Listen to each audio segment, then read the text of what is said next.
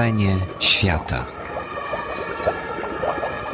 Wiki Radio oraz Instytut Reportażu zapraszają do wysłuchania spotkania zarejestrowanego w faktycznym Domu Kultury przy ulicy Gałczyńskiego 12 w Warszawie 13 października 2015 roku. O wyspie Lampedusa, jej mieszkańcach i przybyszach z morza opowie Jarosław Mikołajewski, autor książki pod tytułem Wielki Przypływ.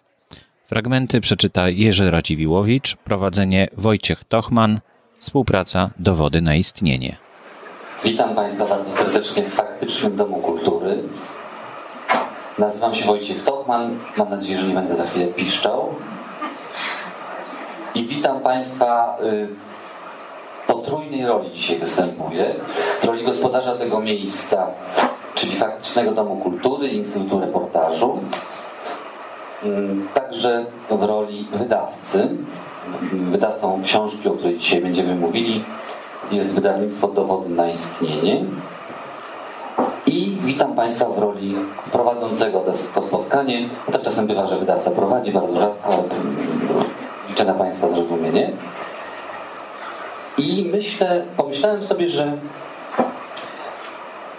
zanim porozmawiamy o tej niezwykłej książce Jarosława Mikołajewskiego, który jest dzisiaj tutaj oczywiście z nami. Dobry wieczór, Jarku.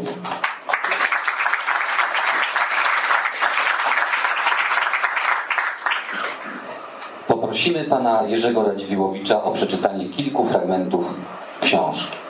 Jarosław Mikołajewski, Wielki Przypływ, czyta Jerzy Radziwiłowicz.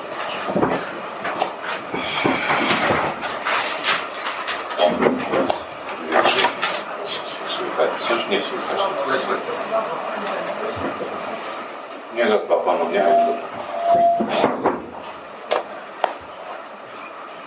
Jest dobrze teraz? Dobry wieczór.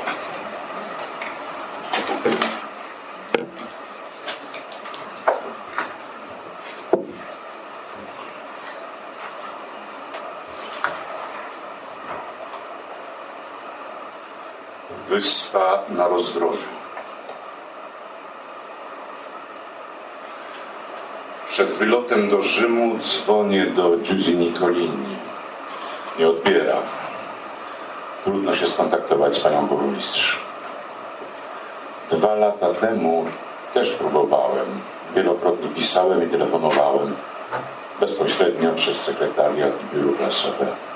Ktoś miał odezwonić, odpisać, omówić. I nic. Aż do ostatniego wieczoru, kiedy trochę się w SMS-ie wściekłem i pani burmistrz mówiła się ze mną w barze na wprost ratusza. Zawstydziłem się wtedy swojej złości, bo w końcu czym było spotkanie z Polakiem wobec tego, co miałem usłyszeć. Siedzieliśmy przy stoliku, patrzyliśmy na barwny kolor młodzieży, a elegancka pani Nikolini, przekrzykując dyskotekowy jazgot, mówiła mi, że wybrano ją w maju 2012 roku, a już 3 listopada musiała zdecydować, co zrobić z 21 ciałami ludzi, którzy utonęli, próbując dotrzeć do Lampedusy. Że musiała prosić o pomoc sycylijskich burmistrzów, by zapewnić godny pochówek kilkunastu zwłokom, dla których zabrakło ziemi na wyspie. Że po zobaczeniu tak wielu trupów nie przywykła do śmierci że nie godzi się na anonimowość ofiar, więc każe wypisywać na tabliczkach nagrobnych choć datę śmierci, przypuszczalne pochodzenie i przybliżony wiek. Znajdziemy miejsca na następne kwatery, zapewniała, ale pytam, jak duży musi być cmentarz na wyspie? Mówiła, że jest wściekła na Europę, która dopiero co dostała pokojową Nagrodę Nobla, ale milczy wobec rzezi na skalę wojenną. Domagała się rewizji konwencji dublińskiej, zgodnie z którą imigranci muszą zostać w kraju, w którym postawili stopę. Przecież pani burmistrz przekrzykiwała muzykę. Prawie nikt z nich nie chce zostać we Włoszech. Tak było w 2013 roku. Tym razem nie nalegam, tylko się przypominam. Bo wymuszając tamto spotkanie dwa lata temu, używałem argumentu, który okazał się kłamstwem. Przekonywałem o konieczności nagłośnienia problemu, mówiłem, że Europa słabo reaguje, bo jest niedoinformowana, nie dość pewna, niedostatecznie poruszona. Zapewniałem, że jeśli Polska dowie się o 1500 uchodźcach stłoczonych na 300 miejscach w Centrum Identyfikacji i Ekstradycji na Lampedusie, to zareaguje. Jeśli usłyszy, że wyspa jest za mała, żeby pochować tysiące trupów, pomoże. Jeśli napisze o lampeduzańskich kobietach z koła parafialnego, które płaczą na placu, bo właśnie zaniosły rozbitkom wszystkie suche ubrania i koce, a kwadrans później przypłynęła nowa łódź z przemarzniętymi Afrykanami i one już nie mają czego im dać, to ich rozpaczą przejmą się polskie parafie, a polskie władze wywrą stosowny nacisk na Brukselę. No i co teraz miałem powiedzieć? Dziuzi Nikolinie.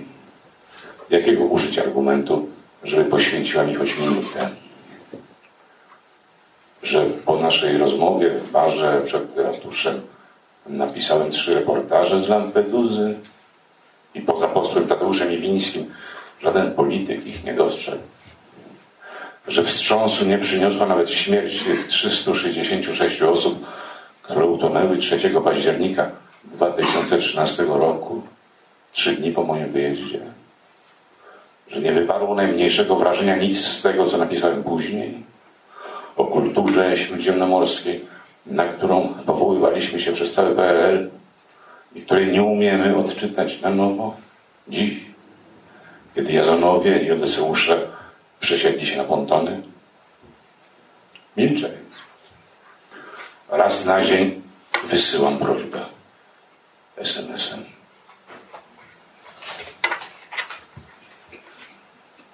Proboszcz. Jest jeszcze gorąco i jasno. Wysyłam SMS do pani burmistrz i ściszam telefon, bo wchodzę do kościoła. Pytam o księdza. Mówią, że msza zacznie się za pół godziny i że najlepiej przyjść na minutę przed. Powinienem mocno zapukać w drzwi z prawej strony na wysokości transeptu. Wracam po 20 minutach. Pukam raz, drugi, trzeci. Na minutę przed mszą otwiera mi ksiądz w stroju liturgicznym, ma może 40 lat. Don Mimo przedstawia się i podaje rękę. Tłumaczę, kim jestem. Prosi, żebym przyszedł po mszy za pół godziny. Zobaczy mnie w kościele i da mi znak. Na placu przed kościołem głaszczę psy. Wchodzę do świątyni trzy minuty przed błogosławieństwem.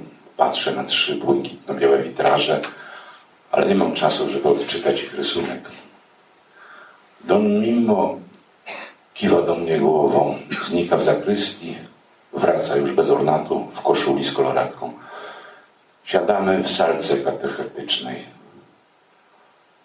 Ksiądz mówi, że bycie proboszczem na Lampedusie to specyficzna praca, bo to niby Włochy, jednak 120 mil od Sycylii, gdzie on sam się urodził, bliżej jest stąd do Afryki. 20 kilometrów kwadratowych lądu. Miejsce oddalone, gdzie do 1969 roku nie było lotniska. 6400 mieszkańców, z których około 400 to przedstawiciele sił porządkowych i wojska. Przez życie zaledwie 6000 Lampeduzańczyków przewinęło się około kilkaset tysięcy przybyszów. Pytam, co mówi mieszkańcom wyspy, u której brzegów umierają uchodźcy? Co im próbuje przekazać? A mówię, że to, co teraz się dzieje, to dla nich wielka szansa. Na najbliższej mszy powiem im, że przyszedł do mnie Polak, żeby porozmawiać. I gdybym powiedział mu prawdę, czyli że nie mam czasu, bo jestem umówiony, to ten Polak poszedłby do kogoś innego. A ja pozostałbym z moim niespotkaniem. Nie dowiedziałbym się, co straciłem.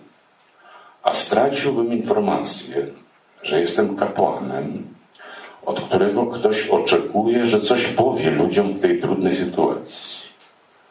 Może bez Pana, przepraszam, mówmy sobie na ty, może bez Ciebie bym o tym zapomniał. Co jeszcze? Powtórzę im to, co mówiłem codziennie, że ci ludzie z Afryki przychodzą, żeby powiedzieć nam, jak nas odbierają, kim dla nich jesteśmy. I po to, żebyśmy sprawdzili, czy znajdujemy w sobie tę łaskę, którą oni w nas dostrzegają. I czy potrafimy jej sprostać. Kiedy ludzie milionami uciekają z Afryki do Europy, mówią nam, że dla nich jesteśmy bogaci i szczęśliwi. I szczęśliwi. Inaczej by się tu nie zjawiali. Nie uciekaliby do nas od biedy. Mówią, że z ich perspektywy żyjemy w braterstwie i pokoju, bo inaczej nie uciekaliby do nas od wojny. I kiedy oni zadają nam swoje pytanie, bez słów, samym pojawieniem się w naszych domach, jesteśmy zdezorientowani. Bo my myślimy na ogół o sobie jako źle opłaconych, niedocenianych, pomijanych, przepracowanych, poddawanych przemocy. I tutaj, żeby skonfrontować się z tymi ludźmi, zanim odpowiemy sobie na ich pytanie, musimy odpowiedzieć na inne. Na to, które zadał święty Jan Chrzciciel, kiedy spotkał Jezusa. Czy Ty jesteś tym, który ma przyjść? Czy też innego mamy oczekiwać? Nie przerywam księdzu, bo wyobrażam sobie, że wygłasza kazanie, niż to kazanie wybrzmiewa z kościelnej ambony w moim kraju. Przypominam sobie, jak potrafiłem kiedyś poddać się słowom kapłana, nie kłócić się z nim, tylko słuchać i nie czekać, aż skończy. Nie chcieć, by skończył. Mówię wiernym, że najpoważniejszą przyczyną życiowej stagnacji jest czekanie na tę właściwą, dobrą okazję do prawdy i odwagi. Powtarzanie sobie, że mamy oczekiwać innego. Każda chwila jest tą okazją, innej może nie będzie. Ta chwila jest okazją jedyną. To, że miliony uchodźców widzą Europę, w tym Lampedusę, jako krainę dobrobytu, pokoju i wolności. I to w każdej chwili musisz zmierzyć się z tym wyobrażeniem, jakie mają o tobie. Ta chwila, powiem moim wiernym, to też ćwiczenie z pamięci. Dobrze, że Włosi przypomnieli sobie, że oni również są narodem emigrantów. Ja sam mam więcej krewnych w Kanadzie niż na Sycylii a więcej przyjaciół w Niemczech niż we Włoszech. Powiem i mówię, że to wielka okazja, aby się zastanowić nad Europą. Bo dla uchodźców jesteśmy Europejczykami. Choć my myślimy o sobie jako o Włochach albo Polakach. Nie przemyśleliśmy dotychczas ze stosowną powagą, co to znaczy wspólna europejska tożsamość. A więc najwyższy czas ją przemyśleć. Przybysze z Afryki marzą o Europie. Więc o czym? Powiedzmy w końcu głośno, co nas łączy, Polaków i Włochów. My jesteśmy narodem emigrantów i wy też jesteście narodem emigrantów. Pamiętam, jak Polacy szukali szczęścia poza własną ojczyzną. Czy to wspólne doświadczenie może pomóc nam znaleźć wspólną tożsamość? Mówię im również, jakie to szczęście, że uchodźcy są właśnie tutaj, że możemy ich widzieć, spotykać. Bo myślenie o kimś, kogo się nie zna, wystawia na pokusę potwornego grzechu.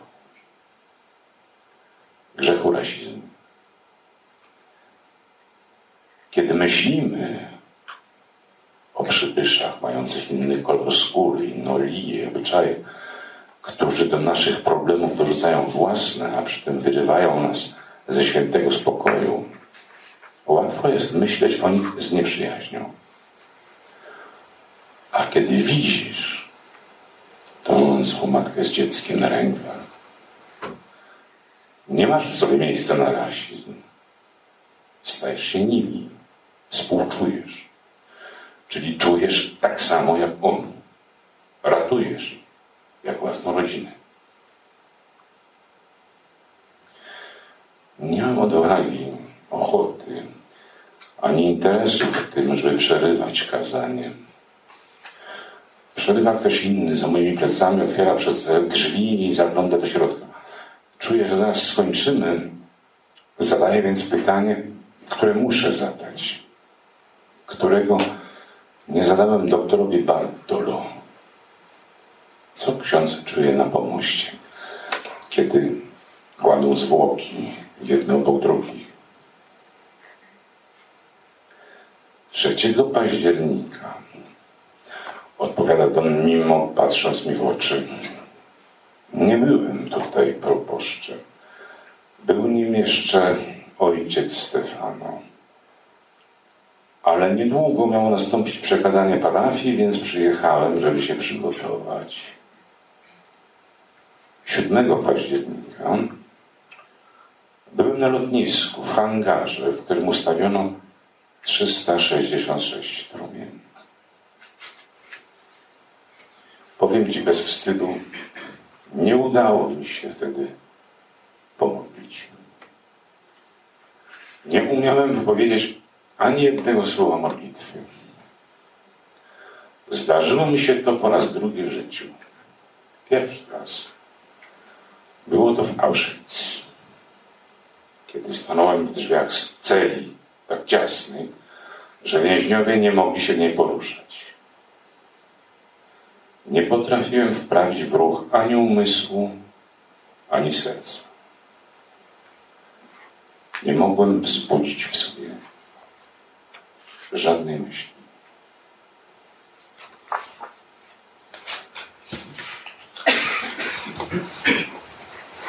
Pożegnanie.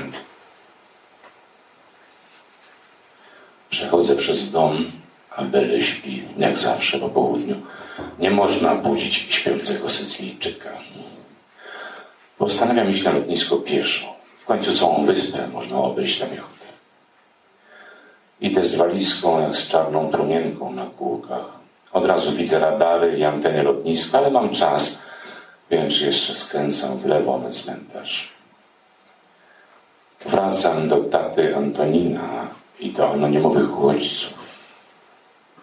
Przyglądam się twarzom zmarłych lampeduzańczyków z akordeonem na żaglówce na plaży.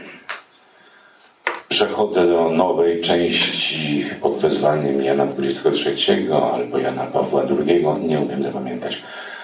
Niewiele tu jeszcze grobów, znacznie mniej niż w tej starszej Jana Pawła II albo Jana XXIII.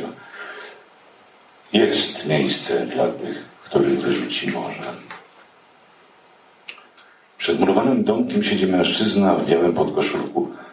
Pytam, czy i w tej części są groby imigrantów. Tak, ale nie w lokuli, w ziemi. Lokuli to wnęki w ścianach, do których wsuwa się trumny. Idę we wskazanym kierunku, na koniec cmentarza, pośród uśmiechniętych twarzy na fotografiach, aż docieram pod mur do skrawka ziemi z powtykanymi krzyżami, udekorowanej poprzewracanymi doniczkami. Jakoś tam się modlę. Łapię się na tym, że właściwie modlę się tutaj bez przerwy, bez słów, jakimś zagęszczonym stanem skupienia. Modlę się za żywych i umarłych, za uchodźców i marynarzy, za żółwie i rybaków, za łódki i za dziakoma, za autorów i adresatów listów, które wykopuję z ziemi, za listy niewykopane, za prochy w zlekceważonych nekropoliach, za Atenę i za dom, w którym stała, za samotność Giovanniego i za Adelinę. Modlę się za oraz do. Do świętego Jana Chrzciciela i do Chrystusa, który błogosławi. Do Madonny Zwiastowania i Madonny, którą Bernardo San Vicente postawił na nogi. Za psy i do psów. za dziewczynę z Bolonii.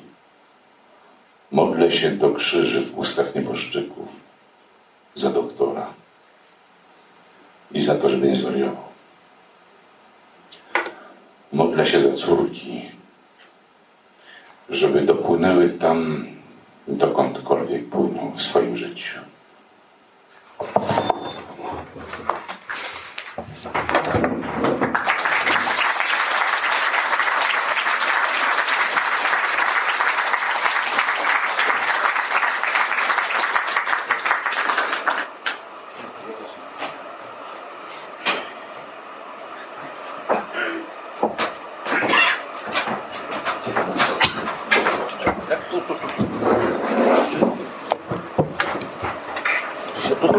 Nie ruszaj, bo Pan zepsujesz.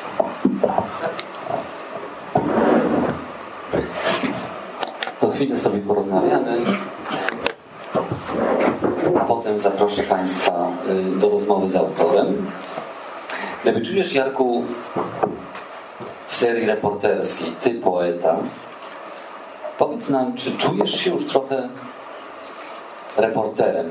Właściwie to nie jest Twoja pierwsza książka reporterska, bo sentymentalny portret Ryszarda Kapuścińskiego też właściwie był reportażem, no ale jednak yy, nie piszesz często takich książek. Czy czujesz się reporterem? Choć trochę.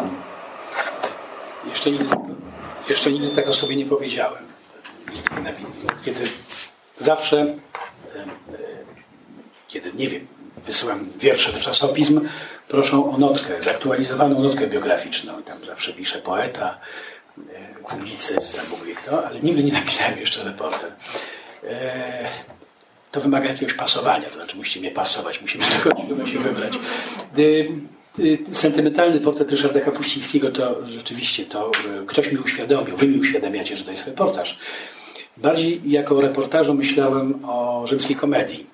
To jest 100 esejów tak naprawdę. To są eseje, które są oparte na reportażu, bo za każdym razem opisuję jakąś tam swoją drogę. Wychodzę z domu, e, mając w głowie fragment boskiej komedii i szukam tego fragmentu w mieście i opisuję tę swoją drogę.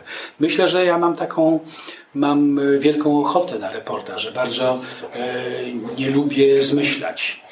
Bardzo lubię mówić opowiadać prawdziwe historie, to co naprawdę zdarzyło się w życiu. I myślę, że to jest chyba taka, to jest dynamika reportażu, i, i, i, ale to musicie mnie ewentualnie skorygować. No właśnie chciałem, pasowany to już jesteś, mogę Ci tu uroczyście pasować na, na reportera. Mm, bardzo jesteśmy dumni z tej książki i ja Ci jestem bardzo wdzięczny, że uległeś moim namowom, naszym namowom i zdecydowały się tę książkę mm, dla nas y, najpierw zdokumentować, potem napisać. Ale zostańmy jeszcze chwilę przy tym pytaniu, bo jak mówi mm, nasza redaktorka naczelna Julianna Jonek i redaktorka tej książki, reportaż to jest śliski grunt. I chciałem Cię zapytać, co Cię w tej pracy reportera, co Ci się podoba w tej pracy reportera, chociaż to jest bardzo przerażająco smutna książka, słyszeli Państwo. Więc może słowo podoba nie jest słowem najlepszym. Ale co Cię w tym, tej pracy, w tej profesji pociąga, a co jednak Cię przed tą pracą, każdy z nas to ma reporterów, jednak yy, wzbrania, że, że to jest jednak ten śliski grunt. I najpierw bym cię za, potem zapytam o pisanie, ale najpierw ten pierwszy etap, czy, o, czy drugi, bo pierwszy to jest czytanie, mówił y, Ryszard Kapuściński, o którym tu jeszcze chwilę będziemy pewnie wiele razy, znaczy wiele razy jeszcze będziemy mówili, ale na tym etapie dokumentacji. Co w tym jest pociągającego, a co w tym jest trudnego? Często mówisz kilkakrotnie w książce, nie miałem odwagi, nie miałem odwagi poprosić, nie miałem odwagi zapytać. No, wymienić Julianę, chcę podziękować Julianie za to, że była tak czułą i tak delikatną i, i, i, i, pełną szacunku redaktorką tej książki. E, I, wam, żeście, mnie, żeście mi to zaproponowali, tobie i Mariuszowi. E, natomiast co mnie pociąga w reportażu? To jest tak, że ja nie umiem chyba się nie przyjaźnić ze światem. To znaczy, to jest to. Więc chyba najbardziej pociągające jest to, że nagle dostałem okazję, żeby wejść w bardzo bliski kontakt z, ze światem, z kawałkiem rzeczywistości, z ludźmi. E, troszkę jest w moim życiu tak, że ja szukam tego kontaktu. Nawet jeżeli wychodzę z psem z domu, to no, doskonale moje córki wiedzą, że bardzo często zaczepiam ludzi. No głupio to robię, ale w każdym razie jako, że mam wszelkie dane po temu, żeby ludzi zaczepiać, dlatego że ciągle czegoś, że czegoś, że czegoś potrzebuję. Jak jedziemy do jakiejś miejscowości albo nawet dobrze znanej po drodze i doskonale córki moje mówią, y, którą drogą należy jechać, to zawsze się zatrzymuję i zaczepiam ludzi, bo mnie uwodzi y, kadencja na przykład, kadencja ludzkiej mowy. Bardzo lubię słuchać Przepraszam, jakaś tak tamten Włos, włoskich dialektów. Bardzo lubię słuchać e, tych włoskich narzeczy, włoskiej melodii. Więc zatrzymuję się po to, żeby posłuchać. E, w tej jest zawsze, nie wiem, w którymś z tekstów napisałem, pisząc o Toskanii, że jestem zakochany w e, kadencji języka toskańskiego. Jestem zakochany w e, kadencji języka lampeduzańskiego, który jest wariantem języka sycylijskiego. Więc chyba to jest najbardziej powabne, że ja mam okazję, czy stwarzam sobie okazję, żeby poznać świat, bo tak naprawdę to się świata nie poznaje na co dzień. To nie jest tak, że świat się naprasza do poznania, świat pokazuje na obu zęby jakieś e, kolce i mówi, że to jest, że głupio jest rozmawiać z ludźmi na przykład w, jadąc kolejkiem meta. Natomiast reportaż jest okazją do poznania, chyba tak. E, ale poza wszystkim innym e, do reportażu mnie nakłoniły taka symbioza, wymiana myśli, taka bardzo czuła, bardzo intymna, jaką miałem z, podczas mojej krótkiej, ale bardzo intensywnej i pięknej przyjaźni z Ryszardem Kapuścińskim.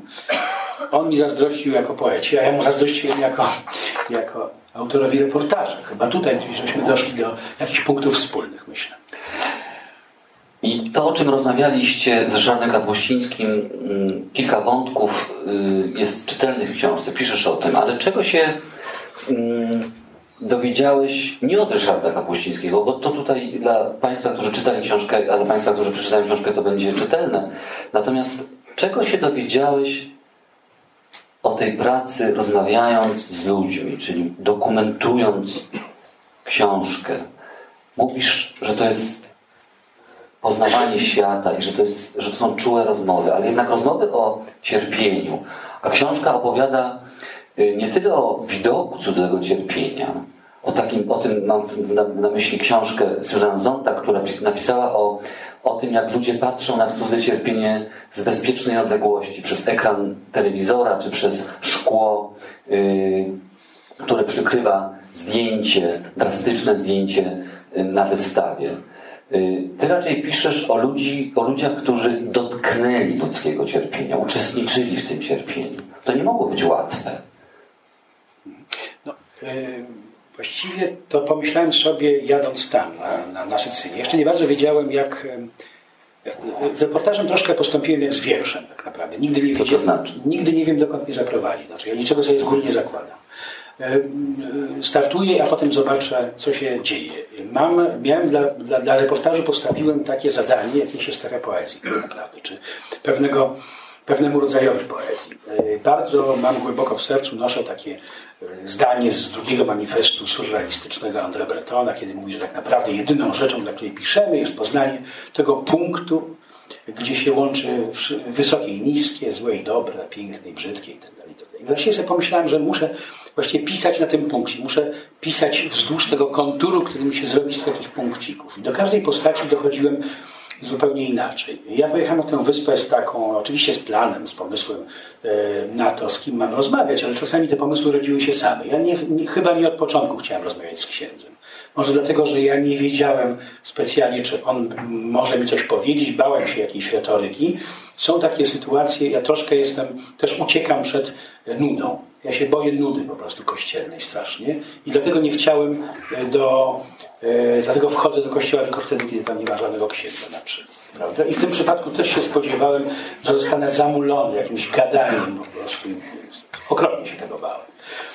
Więc w ostatniej chwili zdobyłem. I za każdym razem każda postać wytyczała mi inne granice. Tam jest profesor, e, tam jest doktor Bartolo, czyli ten doktor, który e, przyjmuje uchodźców od 91 roku. Który mówi o sobie, że być może jest tym lekarzem, który widział najwięcej zmarłych trupów, tak chyba, takie tak. słowo chyba pada, na świecie, prawda? Że nikt więcej, żaden inny lekarz tego nie doświadczył. On rozmawiał o różnych, skali. o różnych, e, mówi mi o róż- różnych rzeczach, ale w jego przypadku rzeczywiście wystarczyło, że e, usiadłem, to Ryszard Kapuściński nauczył mnie. Nie prowadź nigdy wywiadów, nie przeprowadzaj wywiadów, tylko czekaj, aż ci człowiek sam powie. No oczywiście, dobre, łatwo powiedzieć, natomiast jak się jest u takiego lekarza, który wyznaczył ci, e, wyznaczył ci termin a, i, i, i, i wiesz o tym, że za chwileczkę będzie przyjmował chorych, no to siłą rzeczy chciałbyś go popytać. Na szczęście on miał potrzebę mówienia tak jak e, usłyszeli Państwo, e, potrzebę mówienia, dlatego że uważał, że ja to wszystko powiem Donaldowi Tuskowi i polskim politykom, którzy strasznie się przejmą tym, co się dzieje na Lampedusie i natychmiast zainterweniują, a polskie parafie otworzą kościoły, domy parafialne i wszystkich przyjmą, którzy tam czekają na swoją kolejkę. Otóż i ja z nim rozmawiałem. Był taki moment, którego, którym nie zadałem pytania. Nie wiem, czy ty zauważyłeś ten moment w tej książce, a wiem, że trzykrotnie i bardzo uważnie za każdym razem ją przeczytałeś. Jest tam taki punkt, w którym on mówi o kobietach, które proszą o aborcję, bo mówi o gwałconych kobietach w Libii. Jest ich bardzo dużo, znaczny, znaczna część, znaczny odsetek tych kobiet jest, jest gwałcona, przepływa w ciąży z ciążą niechcianą. Proszą, pierwsza rzecz, którą proszą, to jest aborcja. No, aborcji nie można dokonywać powyżej, poniżej trzeciego miesiąca, miesiąca ciąży. W związku z tym i w pewnym momencie mówi, e, no rozmawiamy z nimi długo, ja rozmawiam ze szpitalami w Palermo i potem wychodzimy im naprzeciw, naprzeciw im oczekiwaniom. Co to znaczy? Ja nie chciałem pytać, znaczy dokonujecie tego zabiegu nawet powyżej trzeciego miesiąca. Widać, nie, nie chciałem go skazywać na... A reporter uważasz powinien był zapytać. Nie, uważam, że nie. Uważam, że, e, uważam, że można wyczytać z, z wahania, o jakim mówi właśnie, można wyczytać to co, to, co on robi i na czym polega ta pomoc, którą on niesie. Kolejna rzecz to jest taka, że kiedy on e, prawie zbliżał się do granicy płaczu, to mogłem powiedzieć, przepraszam, chce pan zrobić przerwę, czy coś takiego, mogłem mu zaproponować. Ja go wystawiałem bez przerwy na próbę. To znaczy tak naprawdę doprowadzałem go do takiego momentu, kiedy zacznie się płacz. Nie wiem, na czym to wszystko polega, ale on potem podszedł do mnie i powiedział, że odczuł podczas tej rozmowy coś w rodzaju braterstwa. Ja nie wiem, na czym to polega. Co to było? Czy jakiś szczególny rodzaj słuchania, czy jakieś jedno słowo, które powiedziałem, które zapomniałem odnotować. Nie rozumiem, na czym to polega. On powiedział bardzo dużo rzeczy takich, które właściwie, znaczy ja czułem, że za chwileczkę rozpocznie się płacz, on się powstrzymał i szedł wbrew sobie w tej rozmowie. Bez przerwy powtarzał, że on to mówi tylko dlatego, że, że chciałbym, że ja, żebym ja to dalej przekazał. Y, Potem jest y, taka postać y, zupełnie wyjątkowa. Proszę sobie wyobrazić tego, e, a ktoś przeczytał, to już nie, nie wyobraża sobie, tylko przypomni. E, Tego człowieka, którego nazywam księciem. Książę poprzez nie wiem, czy tłumaczy się własną książkę, własny tytuł, może nie będę tłumaczył. Ktoś zada takie pytanie, to odpowiem. Tak czy inaczej jest taka postać w tej Lampedusie, która wygląda, no tak jak wygląda, jak Państwo czasami widzą, to jest 2 km na 9. Były zdjęcia zrobione przez autora, które widzieliśmy w trakcie. 2 na 9 to jest maleńka wyspa i tam na tej wyspie, na samym biednym zakątku tej wyspy jest taki cały ciąg e, domów, który jest nazywany przez historyka miejscowego i architekta, jest nazywany przedmieściem Bejrutu. E, To jest bardzo brzydkie. Jak sobie wyobrażamy rzeczywiście, że może to być coś na wzór greckiego miasteczka na wyspie, czy, czy, czy na jakiejś wyspie sycylijskiej, to jesteśmy w błędzie, to jest po prostu bardzo brzydka wyspa. Pod tym względem, pod względem architektonicznym ma swoje uroki naturalne. Natomiast y, ja y, y, na tej wyspie, gdzie właściwie ludzie zajmują się rzeczami szalenie praktycznymi, żyją z turystyki albo jeszcze niektórzy zajmują się rybołówstwem, załatwiają sprawy związane z imigrantami.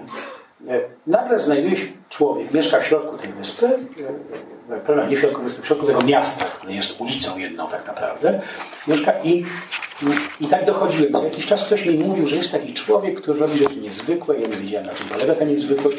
Okazało się, że to jest po prostu ten, ten, ten wieloletni burmistrz Lampeduzy, na którego w pewnej chwili rzucił się pewien młodzieniec i prawie go zasztyletował na śmierć. Że ten człowiek kopiuje Caravaggia.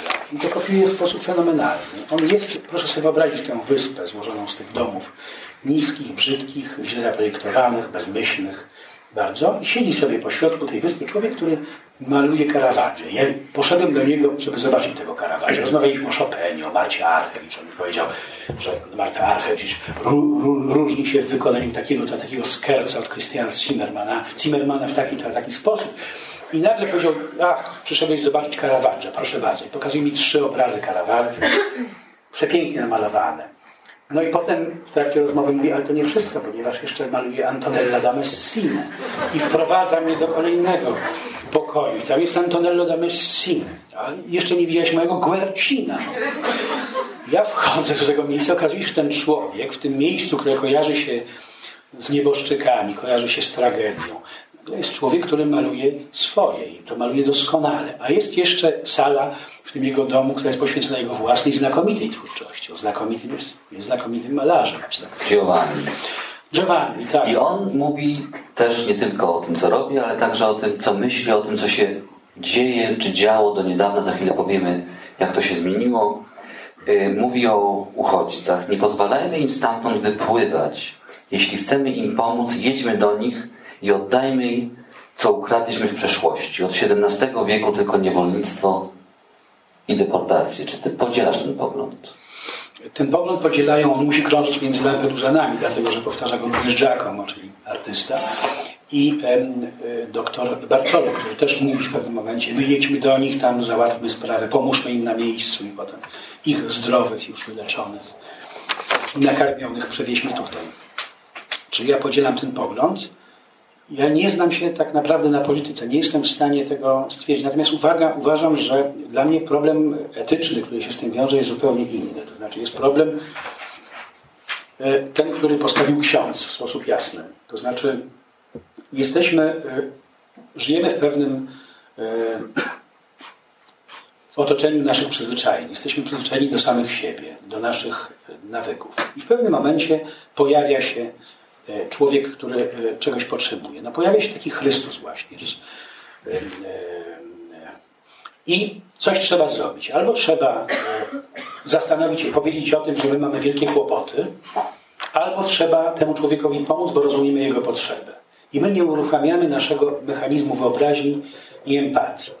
Na Lampedusie słyszałem kilkakrotnie tę przypowieść, tę opowieść, ten przykład który musi być powtarzany z ust do ust. Być może powiedział to poprzedni ksiądz, że jeżeli się jedzie samochodem przeznaczonym dla pięciu osób, a na poboczu umiera człowiek, to się nie zastanawiamy, czy jest miejsce dla tego człowieka, tylko jeden wysiada i bierzemy tego człowieka rannego czy umierającego i wjedziemy do szpitala. I to jest ta sytuacja. Jestem przekonany, że w, przypadku, w tym przypadku mamy do czynienia z taką sytuacją. To, co się mówi, język, którego się używa w stosunku do uchodźców, jest absolutnie chybiony. Jest po prostu językiem strasznym. Dzisiaj też padły rzeczy straszne, szczerze mówiąc, w, w naszych mediach, ale. Znaczy nie w tak, naszych mediach, tylko powiedział Jarosław Kaczyński. To znaczy, nasze media na szczęście nagłośniły to, co powiedział. Z odpowiednim komentarzem, bo moim zdaniem za słabym. Chodzi o wypowiedź, której chyba sprzed dnia czy dwóch Jarosław Kaczyński powiedział, że ci ludzie, którzy do nas y, tak walą drzwiami i oknami, y, mają w sobie pierwotniaki i pasożyty, które im samym nie szkodzą, ale, ale nam pewnie tak. Ja też myślę o innych wypowiedziach pozornie łagodniejszych, ale na przykład wtedy, kiedy rozmawiamy, chociaż łatwo przyjęliśmy taką perspektywę, że uchodźcy polityczni, ci, którzy szukają azylu, to owszem tak, to tych przyjmiemy, ale musimy ich bardzo dokładnie rozdzielić, oddzielić od tych, którzy od uchodźców ekonomicznych. I najlepiej, żeby nie byli samotnymi mężczyznami.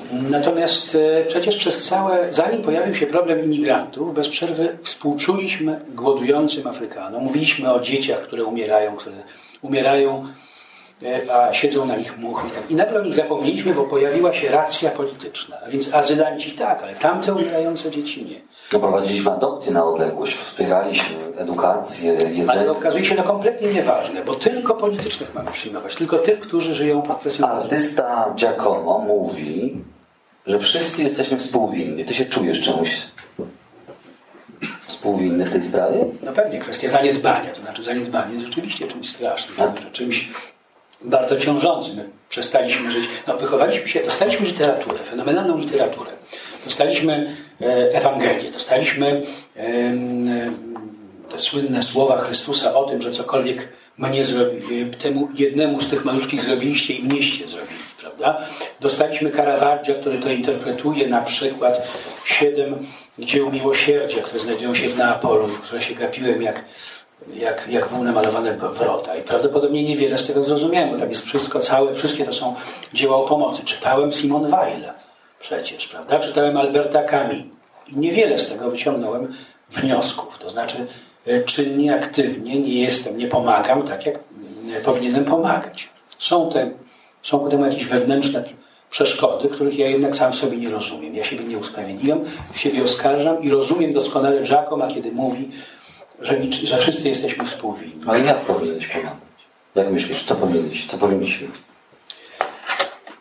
Już nie jestem dobry chyba od rozwiązań, to znaczy nie jestem, natomiast sam wiem o tym, kiedy, kiedy jestem nienasycony. Teraz jestem nienasycony własnym pomaganiem, czy tym właśnie, że piszę reportaże i staram się uświadomić ludziom, e, co tak naprawdę się dzieje. Myślę, że powinienem, e, powinienem e, przyjaźnić się z moim domem, z moją rodziną, powinienem zadbać o ich byt, a całą resztę czasu poświęcić tym, którzy tego potrzebują. Myślę, że taka jest, taka jest rola. Wyrzekając się czegoś tam, to znaczy nie wiem co, mhm. chociażby słuchania Bacha, czy, czy, czy przy okazji powiem, proszę mi podpowiedzieć, wiem, że są y, tutaj osoby, które mogą mi podpowiedzieć. Ruszy lada dzień y, taka strona internetowa, przepraszam, nie pamiętam teraz, nie mam w głowie adresu, która dla chętnych, którzy będą chcieli pomóc uchodźcom w sposób taki najbardziej wprost, czyli przyjąć ich y, pod swój dach. O, dziękuję bardzo. I to ruszy jakaś, jakoś lada dzień, tak? Miała, miała wczoraj ruszyć ta strona. To ruszy jutro, ale ruszy. Mhm. Przepraszam, ja tylko jedną rzecz powiem jeszcze, bo widziałem y, y, na Lampedusie i na Sycylii, jak się pomaga ludziom tam, na czym to polega. To jest ten Jerzy Radziwiłowicz przeczytał ten fragment o tych kobietach, które e, płaczą, bo nie, ma, nie mają już suchych ubrań, a to przepływa nowa łódź z przemoczonymi, ze zmarzniętymi e, uchodźcami. E, ja widziałem, jak to jest taka naturalna reakcja. To jest znowu to, co, się, co nawiązuje, bo w tej książce chyba dużo rzeczy rozmawia ze sobą, dużo elementów, dużo ludzie się dopowiadają, prawda? A więc to jest też to samo mniej więcej, o czym, o czym mówi ksiądz, o czym mówi, o czym mówi, o czym mówi Bartolo. Otóż bez przerwy właściwie e, występuje jakaś potrzeba. Bartolo to lekarz, powiedzmy Państwu. Kto... Tak, lekarz, o którym się tu nie był, ale to taka postać znana, bo gazeta kiedyś drukowała fragment akurat tego, tej książki o nim, jemu poświęcony. A więc i, i też spotkałem na Sycylii taką, coś w rodzaju takiej dojrzałości, której, której my nie mamy. Tej sytuacji, kiedy to kierowca jadąc samochodem, mając wszystkie miejsca zajęte, rzeczywiście byłby gotowy nadepnąć na hamulec, zatrzymać się i bezdyskusyjnie kogoś wysadzić po to, żeby kogoś przyjąć. E, u nich jest taka gotowość. I to pomaganie, o którym my mówimy, to, to jest pomaganie bardzo różne. Na Sycylii na przykład bardzo silne, istnieje taka dojrzałość śródziemno, śródziemnomorska. Ta dojrzałość, która, której daje wyraz również książę nasz, czyli e, profesor Fragapane, który nawet się dziwi, że my, się, że my mówimy o imigrantach, bo mówimy, że to jest normalne. Równie dobrze, co oni, którzy przyjeżdżają tutaj do nas, my moglibyśmy pojechać do Tunezji, tylko nie, nie jesteśmy zainteresowani, bo media piszą nam o Tunezji rzeczy straszne, że tam jest głód na przykład, czy, czy, czy i że tam byśmy się czuli źle. Ale yy, poznałem grupy, którzy, młodzieży, która cały swój wolny czas poświęca temu, żeby założyć, nie wiem, zespoły teatralne, żeby angażować e, e, uchodźców właśnie do tych różnych działań, żeby oni opowiadali własne baśnie, najpierw językiem gestów, żeby do tego języku gestów doprowadzali, wprowadzali pewne słowa. Coś, co u nas istnieje w znikomym zupełnie stopniu. A więc jest taka, takie poczucie, że wolny czas chociażby możemy poświęcić. No, przepraszam, przepraszam. Nie, nie. No, no, no, przepraszam. Nie wiem, czy to jest dojrzałość śródziemnomorska, ale też pewnie istnieje dojrzałość, jeśli iść tym kluczem, na przykład dojrzałość skandynawska. Jest taka książka, którą, y, która opowiada o Breiviku, znamy to nazwisko. Napisała ją wybitna norweska reporterka Asne Zejerstadt, która opowiada o tym, jak młodzi ludzie, właściwie caliści, wieczorami odrabiają lekcje ze swoimi kolegami uchodźcami, którzy słabo znają język, którzy w ogóle są słabsi w nauce z rozmaitych powodów. I, i to jest tam no, jakoś tak normalne, prawda? Że więc nie wiem, ja zawsze się powiem, że, że coś jest śródziemnomorskie, polskie. Też nie wiem, czy ten lęk, o którym jeszcze, o które, o te lęki, o które za chwilę zapytam, czy są tylko polskie. Yy, bo jak widziałem, co się dzieje na Węgrzech na przykład, to, yy, no to one są yy, pewnie podobnie. Ludzie są różni wszędzie. Jedni pomagają, drudzy pokazują brzydkie gesty tym, którzy do nas Ale przychodzą. właśnie, przepraszam Ci przerwę, ale chciałem powiedzieć, że jest, wytworzyło się coś takiego we Włoszech, na południu Włoch, nie na północy Włoch, ale na południu Włoch taka dojrzałość do pomagania ludziom po prostu. Oni wiedzą doskonale, co mają zrobić. Jest coś takiego, nie wiem, prawdopodobnie u nas było to y, w czasach y, wojny w części społeczeństwa. To znaczy, że nie wiem, co partyzantów się karmiło prawdopodobnie, prawda? Nie wypędzało się. Część przynajmniej ludzi była o tym przekonana i była na to gotowa. Chodzi o taką wewnętrzną gotowość. Jesteśmy dojrzali do pomagania albo nie jesteśmy dojrzali do pomagania. I Morze Śródziemne jest czymś takim y, kompletnie do przemyślenia na nowo. Jak wiemy, Morze Śródziemne Zbigniew Herbert kochał e, kochał Morze Śródziemne i prawdopodobnie powiedziałby, stanąłby, jestem o tym przekonany, po stronie tych nowych e, Odyseuszy i nowych Jazonów. A my żyjemy rzeczywiście takim pięknoduchostwem okropnym. Ciągle wspominamy o tym, że jaka piękna jest kultura śródziemnomorska, bo byliśmy tu albo ówdzie. Natomiast kultura śródziemnomorska się zmieniła. My bez przerwy żyjemy czymś kompletnie nieprawdziwym. Gdyby ta kultura śródziemnomorska to była kultura tamtych Odyseuszy, którzy są wciąż y, uwodzeni przez Syrenę. No to może trzeba by pomyśleć sobie, kto uwodzi współczesnych y, Odyseuszy. Uwodził ich Berlusconi wtedy, kiedy Albańczyków, kiedy ci Ulis Odyseusze byli Albańczykami, bo y, założył telewizję włoską i wydawało się Albańczykom w pewnym okresie, że całe życie we Włoszech wygląda w ten sposób, jak różnie, różne telewariete e, we włoskiej telewizji, że bez przerwy są tam roznegliżowane dziewczyny, koło których można stanąć koło których można, do których można się przytulić e, zupełnie bezkarnie, prawda? I można uzyskać ich wzajemność. I oni, I oni płynęli. Pamiętam, płynęli aż do momentu, kiedy to Berlusconi spotkał się z prezydentem Beriszą prawda? i powiedział wtedy słynne słowa. Rozmawiałem z prezydentem Beriszą, który mi obiecał, że będzie kontrolował lepiej, żeby te tratwy z Albańczykami nie płynęły, no chyba, że będzie to tratwa pełna pięknych dziewcząt. No i w ten sposób właśnie to się zakończyło. W tym momencie mamy znowu to uwodzenie. Czym uwodzi Europa? Może by się dało zastanowić nad tym, jaką, jaką szaleńczą, e, kusicielską moc wyzwalamy. Czy kusiciel nie jest winny swojego kuszenia, efektów swojego kuszenia? Te pytania właściwie stoją nierozwiązane. Myśmy sobie na te pytania nie zadawali, tylko bez przerwy mówimy o tym, czy przyjmiemy 2000, czy przyjmiemy 8000, podczas gdy przez Lampedusę, która ma 6 tysięcy mieszkańców, przewinęło się 800 tysięcy osób w ciągu ostatnich lat. Może wyjaśnimy tutaj przy okazji, jak ta sytuacja się zmieniła, bo to teraz na Lampedusie nie jest tak, jak było jeszcze y, rok czy dwa lata temu. Uchodźców, uchodźcy teraz idą innym szlakiem, idą przez Grecję. Dlaczego tak się dzieje? Dwa lata temu, e, kiedy mm, byłem na Lampedusie, widziałem, stanąłem z daleka, na przykład stanąłem na takim tarasie nad portem i widziałem, bo to jest wyspa rzeczywiście, którą można prawie ogarnąć wzrokiem, więc widziałem grupę wielkich psów i grupę e, e, e, e, uchodźców. I nie mogłem na początku rozróżnić jednych od drugich, potem pomagały mi w niektórych przypadkach zielone dresy. Dosłownie. Było tak, że w tym ośrodku, że do Lampedusy przypływały łodzie spontanicznie, można powiedzieć. A więc bardzo wiele łodzi przypływało po prostu od tak, jak sobie to najprościej wyobrażamy. A więc wypływali, dopływali, zostawali. Byli na, na tej Lampedusie. Ratowano uchodźców na mile przed, przed brzegiem. W tym momencie tak nie jest. W tym I momencie... tak utonęli ci w październiku 2013 roku. Tak, w tym tak, dlatego że ktoś komuś spadła pochodnia do kałuży paliwa, i, ale oni, ale to, byli, to były przypływy niekontrolowane przez e, kapitana.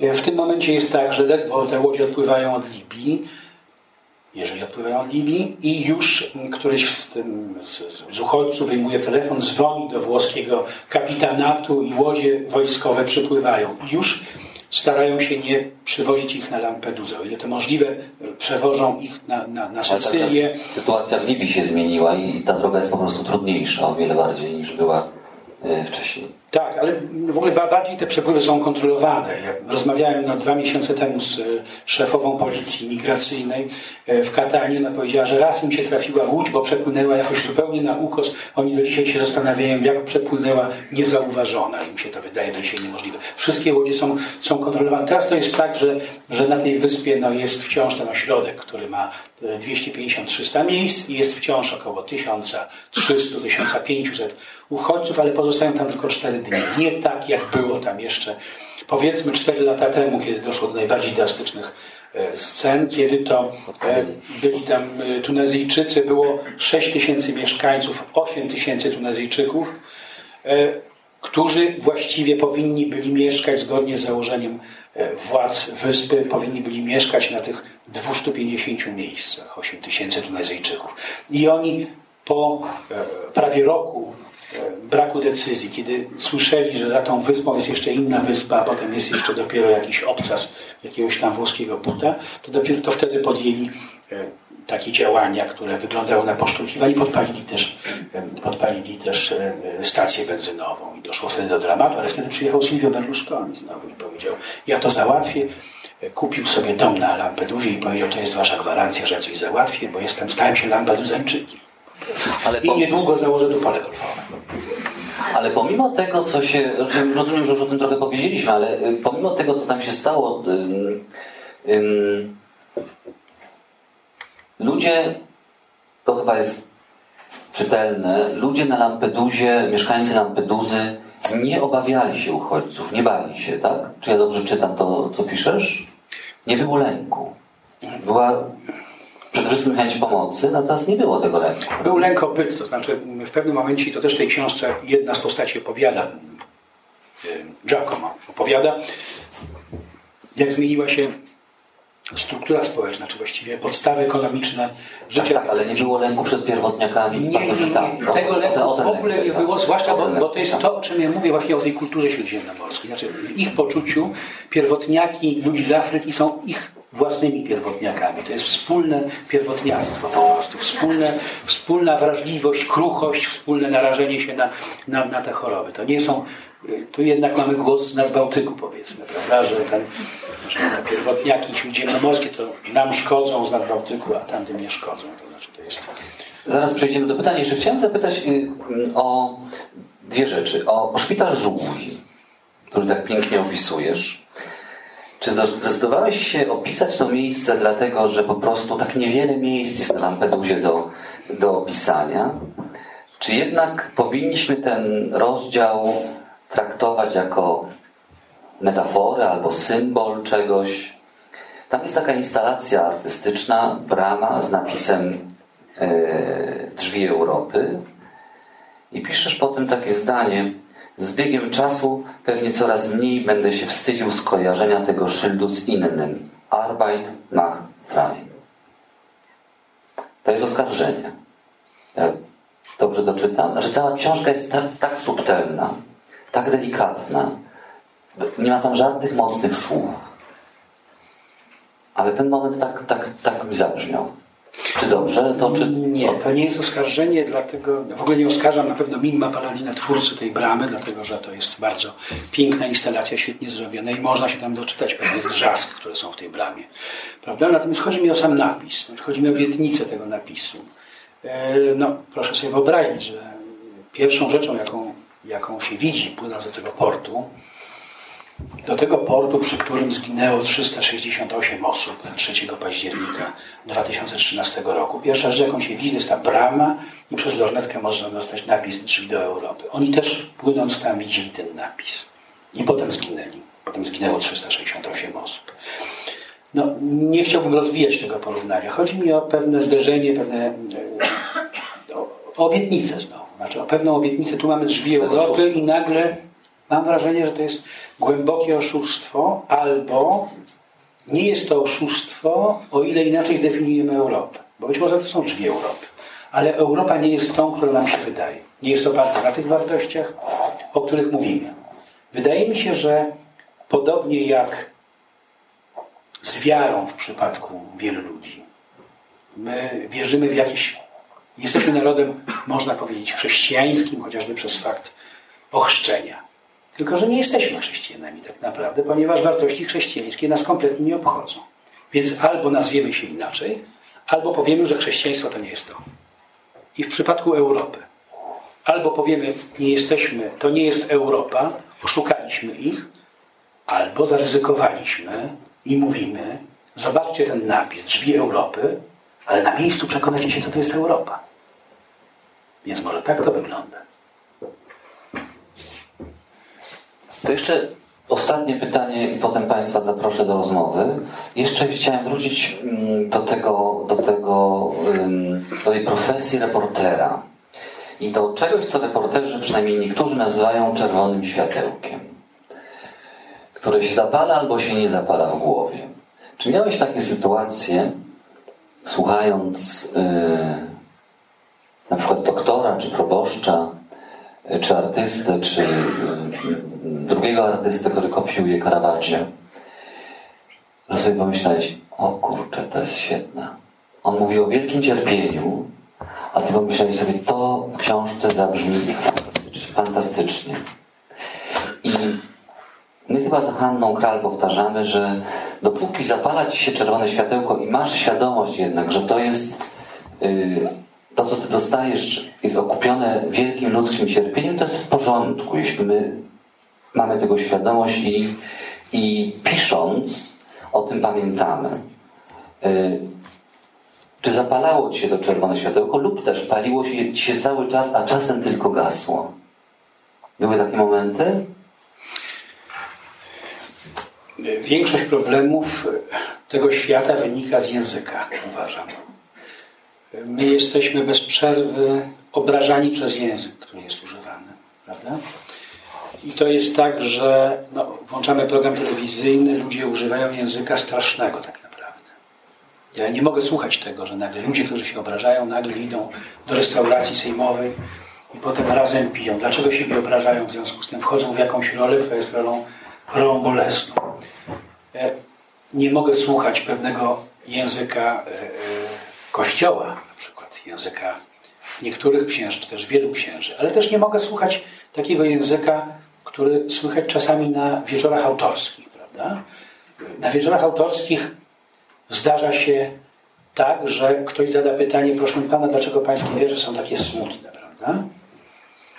My by się chciało wtedy posłać kogoś do diabła, ale nigdy nie pośle do diabła. Natomiast są poeci, którzy ale powiedzą... też zadają takie pytania. Którzy powiedzą, którzy powiedzą, proszę Pani, wszystko, co miałem do powiedzenia, powiedziałem swoich i tak dalej. No i ta osoba jakoś wychodzi z tego wszystkiego urażona. Ja uważam, że po prostu po pierwsze nie powinno się urażać ludzi. Natomiast istnieje, jeżeli mówimy o czerwonym światełku, to to czerwone światełko e, pojawia się na ten najbardziej intensywny moment kontaktów ludzkich.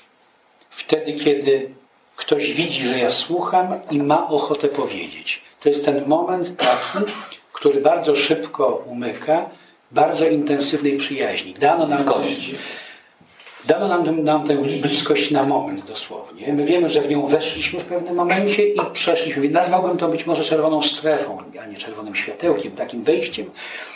No ale czerwone światełko pali się w czerwonej strefie. No więc dobrze. Więc, więc, więc wchodzimy na ten obszar i zaraz z niego znikniemy. I to jest takie poczucie bliskości, której nie można zepsuć, ale wiemy też doskonale, że ono się bardzo szybko skończy i będziemy to opłakiwać. Tak jak się zdarza, że za kimś tęsknimy, wychodzimy na dworzec, witamy się i właściwie już byśmy poszli sobie, bo już nie mamy sobie nic do powiedzenia. No więc tak czasami bywa również właśnie w tym momencie tej bliskości. To jest ten moment takiego intensywnego przeżycia. No to było najważniejsze, żeby te wszystkie rzeczy tak się, tak się tą szły wzdłuż tej czerwonej linii. Oczywiście są takie momenty, które są momentami odpoczynku, które sobie założyłem, to są opisy natury. Oczywiście. Których Ci zazdrościłem. E, e, bardzo proszę Państwa o pytania. Ja spróbuję tutaj pod światło, ale odwagi, bo jak nie, to ja mam kolejne. A może przynudzam w związku z tym. Ależ nie, ależ nie. Bardzo proszę.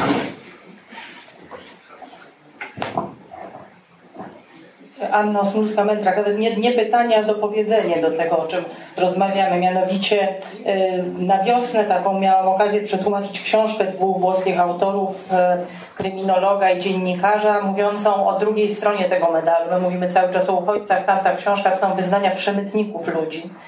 I to są świadectwa osób, które zajmują się przemytem i które na tym biznesie zarabiają nieprawdopodobne pieniądze, więc jak gdyby to byłaby dopełnienie też tej historii, o której tutaj opowiadamy dłużej, nie będę się rozwodzić. Natomiast to, co też Jarek, ty mówisz tej gotowości do pomagania, we Włoszech też, południowych przede wszystkim Włoszech wynika to z tego, że jak lekarz, o którym piszesz, ten problem we Włoszech istnieje od lat. On jest obecny od bardzo wielu lat. My jakoś paradoksalnie odkrywamy to dopiero teraz. To, to jest temat palący od wielu, wielu lat. My gdzieś byliśmy na to głusi. I wydaje mi się, że ten moment, kiedy ta nasza gotowość do pomagania się będzie zweryfi mogła zweryfikować, to jest ten moment, kiedy my po prostu z tymi uchodźcami staniemy twarzą w twarz. Dopóki ich tutaj nie będzie, my możemy teoretyzować, czy czujemy się winni, czy nie, czy jesteśmy gotowi do tej pomocy, czy nie. Czy jesteśmy naprawdę gotowi, to się okaże, kiedy oni się tu pojawią. Oni się po prostu muszą tu pojawić.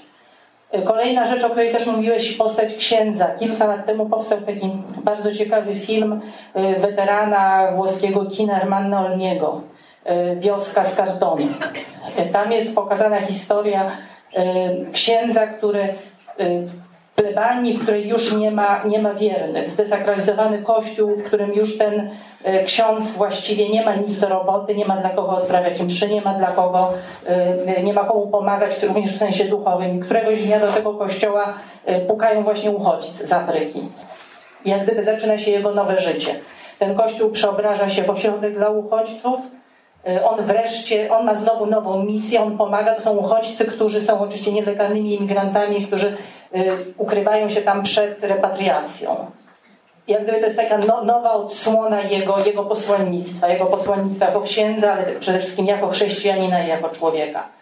Także jeśli ktoś z Państwa nie zna filmu czy tej książki, to też polecam, bo to jest, wydaje mi się, ważne do powiedzenia. I ostatnia rzecz, już bardzo osobista. Zostałeś pasowany na reportera, ale ja chciałam powiedzieć, że ja cały czas Cię postrzegam jako poetę i to chyba się nie zmieni. Nie wiem, czy ja to wymyśliłam, ale... ale... Nie deklasujemy. nie, nie, absolutnie nie, nie. Chodzi mi o to, że nie wiem, czy ja to wymyśliłam, ale ja bym chciała ten Twój, to co teraz robisz, to tak nazwać takim gatunkiem, że to jest reportaż poetycki, bo jednak cały czas na to, co Ty piszesz, nakłada się Twoja wrażliwość poetycka i w języku, i we właśnie w, w, takiej czułości, o której wspominałeś, tak, tej czułości już szukasz u innych, ale ja przede wszystkim tę czułość widzę u, siebie, tak u Ciebie, także dziękuję bardzo. Bardzo się cieszę, że to dostrzegasz. Natomiast oczywiście łatwo teraz zacytować a propos pierwszej części Twojej wypowiedzi, bo to była informacyjna, ale no, tyle o sobie wiemy, ile nas sprawdzono. To ciągle to napisała pewna noblistka, prawda? E, natomiast e, i właściwie bez przerwy się uczymy. To jest właśnie tragiczne, że my bez przerwy odrabiamy tę samą lekcję. To nie jest tak, że przyjdzie sobie taki Albert Camus i opowie nam o tym doktorze Rie, tylko i, i my odbieramy tutaj jakąś lekcję. Tylko bez przerwy musimy czytać nowych, jak gdyby ta literatura musiała być zawsze nowa, a stara pozostała, musiała pozostać nieodrobiona, nieprzeczytana, niezrozumiana do końca. Y, ale z tego, co powiedziałeś, też wynika to samo, o czym, czego ja, co ja się dopominam i o czym mówi ksiądz. Mówiąc o tym, że oczywiście jak myślimy uchodźca, to powstają nam różne stereotypy, banały w głowie i z tym nie możemy walczyć. Ale po prostu my się bronimy przed doświadczeniem. To jest najgorsze. Tak naprawdę jedyne, co w życiu mamy, to jest doświadczenie. I to jest najgorsze, żebyśmy zrozumieli, że doświadczenie to jest ta rzecz, która nas spotyka, tak naprawdę doświadczenie. To, ale to w ogóle znowu, więcej intelektualiści o tym pomyśleli. Pier Paolo Pasolini, kiedy pisał teoremat, mówi, co to jest, jakby Chrystus wejdzie do twojego domu nagle, prawda? A więc ciągle mówimy o tym Chrystusie, że jak przyjdzie, to my musimy Mu pomóc. I tak bez przerwy pleciemy, naprawdę. Ale jak już przychodzi do tego domu i stawia wszystko na głowie, to po prostu jesteśmy tym przerażeni, ale przed nim zamykamy drzwi, żeby tylko nie wszedł, bo Bóg wie, co nam się zdarzy. I mamy do czynienia bez przerwy z tym, że się boimy doświadczenia. I tak samo teraz, gdyby powiedzieć, za mało kochamy poezję. Poezja to jest właśnie doświadczenie. I bez przerwy właściwie całe życie jest, e, efekt poetycki to jest taki, że to jest wchodzenie w nową sytuację. Jest klasyczna sytuacja, która się ciągle powtarza. Spotkanie etosu z patosem. Mamy jakiś etos, mamy jakiś zespół wyobrażeń, mamy jakieś przygotowanie do życia, przygotowanie intelektualne, prawda? Ale jest nagle patos. No nagle ktoś otwiera drzwi i wchodzi. Po prostu. I my chcielibyśmy tylko pozostać w tym swoim etosie, ale bez patosu. Czyli bez tego, że ktoś nagle wchodzi, otwiera drzwi i coś nam mówi na przykład, albo ktoś nas zaczepia. Tylko bez, zamykamy się na doświadczenie. No a niestety takie życie, to rzeczywiście jest życie e, jałowe, jak pisał Pasolini, tylko kochać, tylko poznawać się liczy, nie że kochałeś, nie że poznawałeś po prostu. I to jest taka nauka, która płynie z tych historii właśnie. Są ludzie, którzy chcąc, nie chcą. Pewnie gdyby ktoś ich spytał, czy chcecie tej uchodźców, by powiedzieli, że nie, no po co im uchodźcy? Mają swoje ryby, prawda, mają swoich turystów, doskonale z tym żyją i tak dalej. No ale nagle przyszli. No i dobrze. I teraz ta książka właściwie mówi głównie o tym, jeżeli ja sam mogę czytać książkę, i mówi o tym po prostu, jak się żyje z takim syndromem e, popromiennym właśnie, pourazowym, posttraumatycznym. To są ludzie, którzy, bo to nie jest książka o uchodźcach. Jeżeli tam o uchodźcach mówi dr Bartolo, mówi, wspomina e, ta pielęgniarka żółwi, ale sam fakt, że inni nie mówią, o tym też coś bardzo, też bardzo dużo mówi. Niektórzy byli poirytowani w ogóle, że chcesz z nimi o uchodźcach rozmawiać. To prawda. Natomiast oni po prostu żyją z tym i to się jakoś w nich wyzwala. To jest jakieś ich bogactwo. Tylko oczywiście no, trudno się zdobyć na, na, na, nowe doświadczenie. To jest najstarsza chyba, najstarszy nasz kłopot. Coś nowego ma się zdarzyć, to się boimy, uciekamy, nie chcemy tego. Bardzo proszę. Podaje mikrofon. Dziękuję. E, Ola Zielińska. E, chciałam zapytać taką rzecz, bo w 2012 roku miałam taką okazję być na Lampedusie i rozmawiać z ówczesnymi mieszkańcami, też ówczesnym proboszczem. I z tych rozmów e, przebijało takie olbrzymie poczucie osamotnienia, takiego żalu do tych lądowych Włoch, do lądowej Europy, do władz włoskich, że jednak zostali pozostawieni sami sobie z tym problemem, który ich spotkał.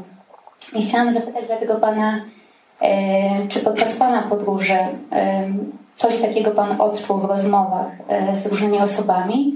Czy może to się jednak zmieniło i może gdzieś w jakimś stopniu to poczucie, że jednak może władze zdały lekcje w tej trudnej sytuacji, w tym kryzysie gdzieś się pojawiło?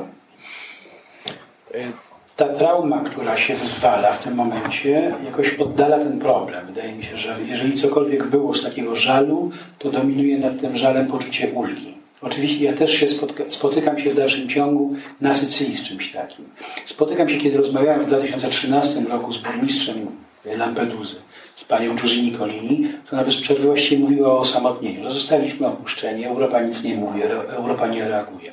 To samo można było wyczytać, można wyczytać no, było do niedawna, jeszcze 3-4 miesiące temu, ze słów e, premiera Renziego tak naprawdę. Czyli Włosi w ogóle czuli się osamotnieni. Sycylijczycy jeszcze bardziej, Lampedusani najbardziej. Rzeczywiście to wyglądało tak, że przypomnijmy sobie, o Lampedusie bez przerwy mówiło się o takim, o takim miejscu, dokąd przypływają łodzie, połowa e, tych łodzi to są ludzie żywi, a druga połowa to są ludzie martwi.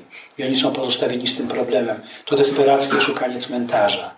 Y, to y, desperackie szukanie ziemi, gdzie można by tych ludzi pochować i, i brak reakcji.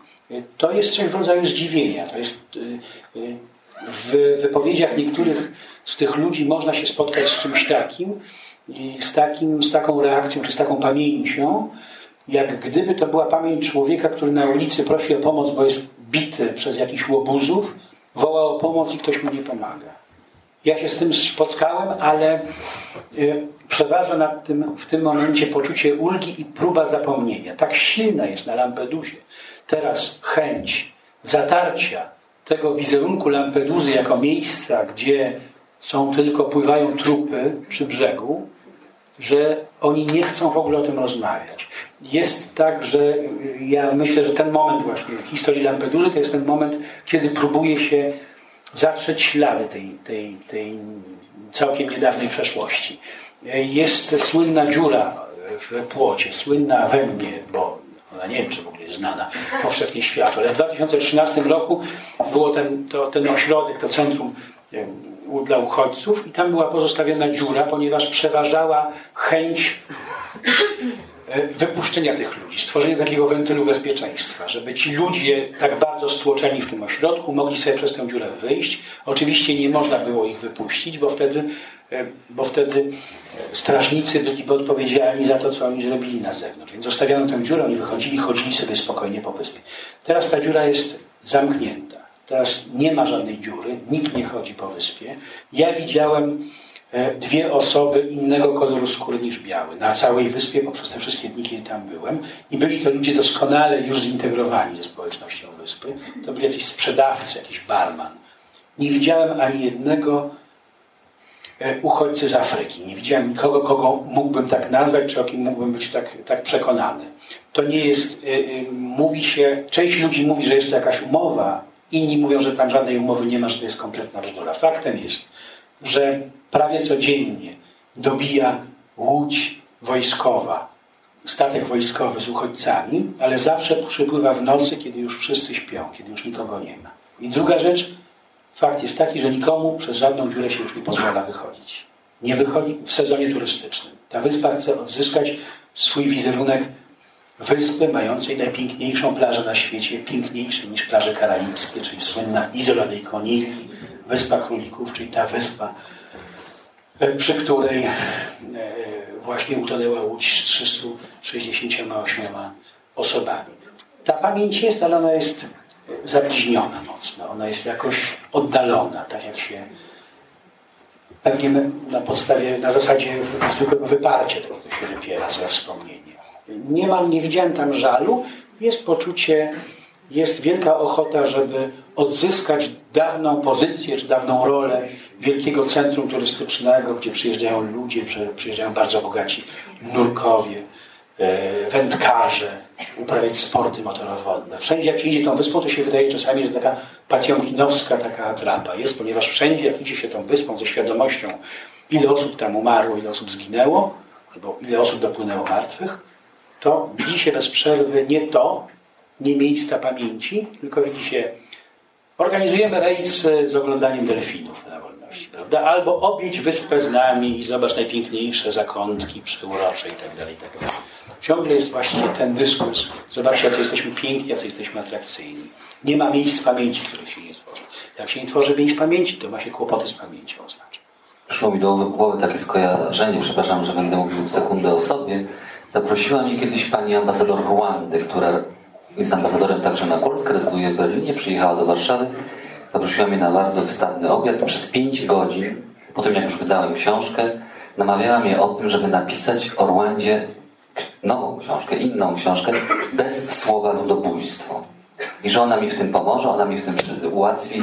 Tak strasznie im to przeszkadza w normalnym życiu, więc nie wiem, czy, czy, czy to jest yy, pewnie nie do końca uprawnione porównanie, ale to wspomnienie przyszło mi do głowy. Bardzo proszę, tam jeszcze widziałem panią, y, która chce zadać pytanie i będziemy zmierzać do Dobry wieczór, Grażyna Połeć, była studentka Jarka Jakowitaj. Miło mi, że mnie rozpoznałeś. Chciałam zadać pytanie o Ciebie jako y, autora, bo jesteś takim, jakim Cię zapamiętałam, z jednej strony osobą bardzo ciekawą świata, tak jak y, sam wspomniałeś, lubisz y, zaczepiać y, ludzi, rozmawiać z nimi, czy jesteś otwarty na to, co się może wydarzyć. Powiedziałeś, że e, pojechałeś tam z pewnym planem, ale poniekąd dałeś ponieść się falą, jakkolwiek źle się to w tym kontekście kojarzy. E, czyli niespodzianki nie są e, dla Ciebie niczym w sumie zaskakującym. Tak? jesteś otwarty, przyjmujesz wszystko to, co życie przynosi. Z drugiej strony jesteś też osobą wyjątkowo empatyczną, taką mocno czującą życie.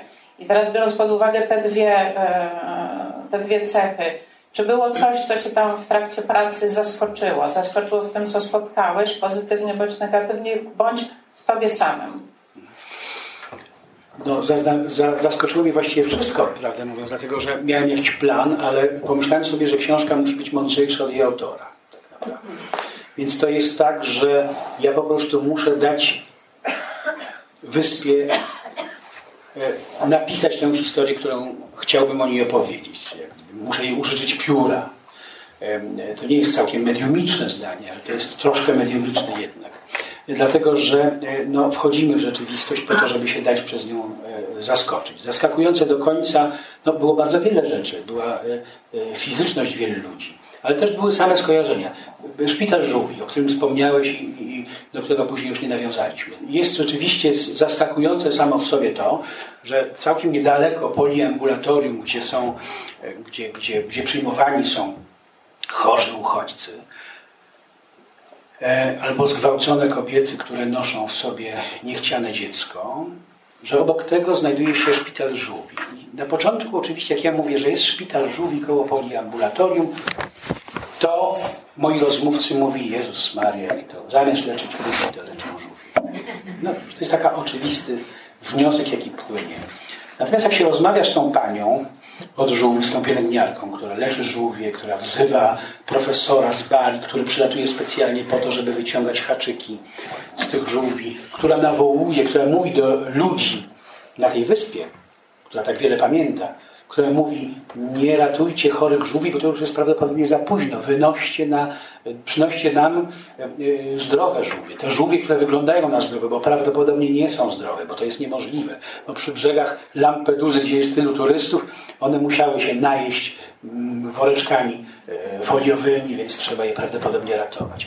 A więc jest taką osobą, która niby nie mówi o tej rzeczywistości. Gdzieś ta rzeczywistość uchodźcza jest daleko, ale tak naprawdę to, że ona tak twardo idzie w swoim życiu w tym kierunku, że chce ratować żyć, żółwie i że my się wszyscy dziwimy, jest jakąś taką, takim świadectwem jakiejś drogi życiowej, e, miłosierdzia dla, e, dla, mm, dla, dla stworzeń. Ona mówi taką piękną rzecz o... Świetną, tak. nie, nie, nie mogę znaleźć fragmentu w tej chwili. Pamiętasz, mówi Janie Kar... mówi do niej ksiądz bo to jest taka miłość do, do wszystkich stworzeń. Tam, Mówi do niej ksiądz, ja jest, należę, do, na, na, należę do gatunku, który y, karmi ludzi, ludzi. A ona odpowiada, a ja należę do takiego gatunku, który karmi głodnych. No tak czy inaczej, bo ona miała psa, chorego psa, umierającego i pod koniec życia tego psa postanowiła dogodzić temu psu. No więc wzięła go do sklepu rzeźniczego i tak gadała z nim, a co ty może chcesz, a może kurczaczka, może cielęcinkę i tak dalej.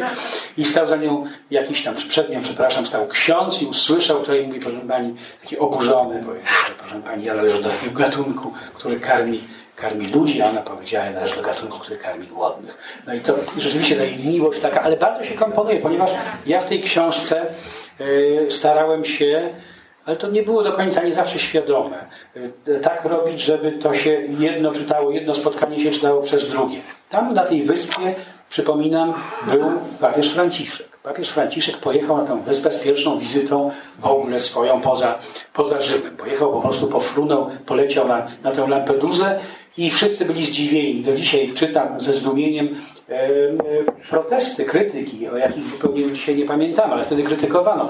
Dlaczego tam? Dlaczego nie leci do Brukseli na przykład, prawda? Albo nie leci do Berlina. On poleciał tam. Różnie jest oceniana ta wizyta, ale skutki tej wizyty, to znaczy nie bardzo wiadomo, czy ona przyniosła jakikolwiek skutek, czy nie. Natomiast na pewno dała jakiś taki mocny sygnał tym ludziom. E, I poleciał na Lampedusę i Teraz napisał tę encyklikę Laudato Si, czy Laudato Si, prawda? Bądź pochwalony.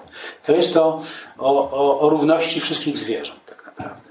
I nagle spotykam tę panią, która odwołuje się do tej encykliki, ale robiła już te rzeczy wcześniej. A więc ludzie się odnajdują troszkę poprzez różne sytuacje, które przeżyli. Ona y, y, y, czyta tego Franciszka w tym momencie, ale już z pozycji kogoś, kto to wszystko już wiedział w liceum, już wszystko o tym doskonale wiedział już dawno. Że wszystkie stworzenia, że każde cierpienie ma jeden ból. Ania Osmuska-Mętak pamięta doskonale wiersz Umberto Saby, kiedy to Saba staje przed przywiązaną do drzewa kozą o semickich rysach i mówi, w tej kozie o semickich rysach skarży się każda forma życia. Prawda? I, i, I krótko mówiąc o tym, o tym takim właśnie wspólnym bólu wszystkich żyjących zwierząt, więc wszystkich żyjących istot. Więc to jest, e, to jest coś dziwnego. W tej wyspie wydało mi się, że wszyscy, że tam się, tam ludzie kultywują te małe, jeden się zajmuje te małe swoje przywiązania, jeden się zajmuje nieboszczykami, jakiś wykopuje listy z ziemi, drugi, druga e, zajmuje się żółwiami, trzeci maluje tego Caravaggia. E, I jak słyszę o doktorze Bartolo, który dla mnie jest herosem, to mówi, że on kiepsko skakał o tyczce Tak, to bardzo fajne. w szkole średniej. Więc najpierw mu obniżyłem, żeby cokolwiek przeskoczył, a potem mu podwyższałem, żeby, żeby już skakał coraz wyżej. Nagle ten Bartolo staje się takim herosem. Nagle pomyślałem, że na tej wyspie jest wszystko, jest cały świat, a tam jest dwa metry na dziewięć. jak Powtarzam, to jest bardzo mała wyspa. Książka jest de- dedykowana Ryśkowi. Yy, mówi się w towarzystwie, że wyście mieli jakiś wspólny pomysł, jakiś projekt, yy, którego niestety nie udało się yy, zrealizować. Możesz powiedzieć o tym dwa słowa? No to były rozmowy. y, y, Z- Projekt związany z Lampedusą. Tak, no Rysiek to jest Ryszard Kapuściński, którego żonę tutaj serdecznie witam, podobnie jak witam również żonę Zbigniewa Herberta. Bardzo jest mi miło, że jesteście. Eee, natomiast innych też Natomiast to nie jest tak, że trzeba być. Eee, Natomiast Natomiast no, Ryszard obdarzył mnie taką przyjaźnią, rzeczywiście dla mnie też zaskakującą, ale on się do mnie odezwał kiedyś jako właśnie do, do, do pana od poezji prawie, bo Ryszard przy całej swojej wielkości był człowiekiem niezwykle skromnym i bardzo kochał poetów. I poezję uważał za coś takiego ponad wszystko, za gatunek i tak naprawdę e, chyba najbardziej był zaszczycony wtedy, kiedy się o nim mówiło jako o poecie i, i zresztą czytał swoje wiersze w Rzymie i jeszcze gdzie indziej w Udine. Jego wiersze na przykład czytał w Udine inny reporter, e, Claudio Magris. Tak czy inaczej, kiedy Ryszard m, przyjeżdżał do mnie do Rzymu, to był 2006 rok, to były ostatnie miesiące jego życia, e, czuł się źle, miał kłopoty z chodzeniem marzył bez przerwy o różnych podróżach. Przede wszystkim o podróży e, szlakami Bronisława Malinowskiego. Tę podróż chciał odbyć. Ale też marzył o innych rzeczach, to znaczy marzył o spotkaniach z ludźmi młodymi, czyli o podróżach właściwie wszędzie, gdzie tylko są ludzie młodzi. Bardzo to kochał.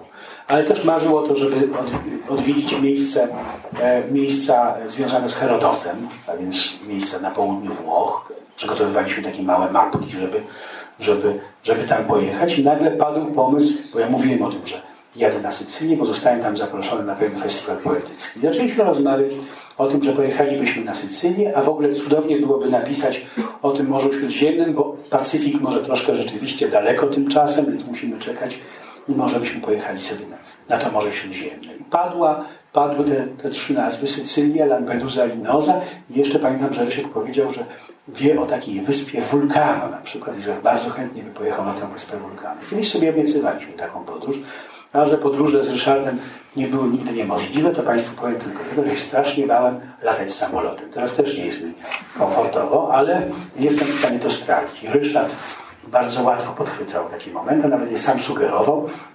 Był bardzo wiernym towarzyszem podróży. Wiedział, że był człowiekiem niezwykle delikatnym. Był człowiekiem, który niezwykle szczodry w swojej przyjaźni, więc kiedy wiedział, że ja się boję podróżować samolotem, to kiedy ja przejeżdżałem, on był we Wiedniu, ja przejeżdżałem przez Wiedeń na, po, na południe, to on wtedy wsiadł do pociągu, którym ja jechałem i zrezygnował z samolotu, a nawet specjalnie raz przyleciał, żeby polecieć ze mną do Triestu i z powrotem, żeby powiedzieć mi, że samolot to jest nic strasznego, ale najbardziej bałem się właśnie z nim, ponieważ jak wsiedliśmy do tego samolotu i samolot wzbił się w niebo, powiedział, zobacz tutaj, jesteśmy w górze, w takim czystym powietrzu, rozrzedzonym, cuda, a tam na dole ci, i tu wymienił parę nazwisk polityków, których nie zacytuję. I pamiętam, i w pewnym momencie powiedział, zobacz, ale teraz słyszysz, i tam coś rzeczywiście zawrzało w, tych, w tej hydraulice. On powiedział, widzisz, no i w tym momencie widzisz, ja rzeczywiście strasznie się źle poczułem. On powiedział, hydraulika działa, znaczy, że się wózek wysunie i takie rzeczy. Był wielkim znawcą chyba, prawda, lotnictwa, prawda? I chyba bardzo lubił latać. Są jego przepiękne wiersze o lataniu, o tym, jak się obserwuje naturę, jak się ziemia godzi z niebem. Niby nic oczywistego, że miejsce, gdzie się kończy ziemia, to zaczyna niebo, prawda? Ale jednocześnie nazwane jakoś uzmysławia, że istnieje taka li, linia pogodzenia wszystkiego ze wszystkim, różnych żywiołów. Także ta książka jest dedykowana Ryszardowi, jego pamięci, ale przede wszystkim jego przyjaźni i radości bycia z nim. Proszę przyjmij tę dedykację i mu szybciuteńko w domu przekaż. Dobrze. Bardzo cię W samolocie jakoś nad Sycylią mam sen. Tak się zaczyna ostatnia część książki, poemat książce reporterskiej. Po poprosimy zaraz pana Jerzego Radziwiłowicza, my już zejdziemy, pożegnamy się z państwem, yy, o przeczytanie większej części tego poematu. Chciałbyś coś dodać przed? No to jest sen, w związku z czym proszę to przyjąć jako poemat sen, więc nie do, nie, nie, do końca trzeba go rozumieć.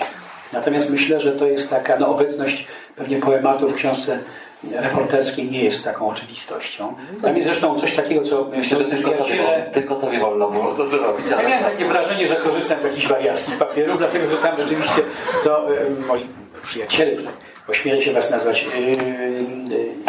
z radością, wymyślili coś takiego, co znajdziecie w środku. Tam jest taki epizod, kiedy ten Giacomo, artysta, szuka rzeczy po, po, po uchodźcach, prawdopodobnie nieżyjących już, a więc chodzi razem z przyjaciółmi po różnych łodziach pozostawionych gdzieś tam na brzegu, zanim zostaną zniszczone, wyjmuje stamtąd różne przedmioty i wiesza w tej swojej grocie nad portem. No i Juliana, kto wstał, wpadł na ten pomysł? Ty? A, to jest genialny pomysł, naprawdę. I e, zostały... Ty? Tak? Razem z Mariuszem.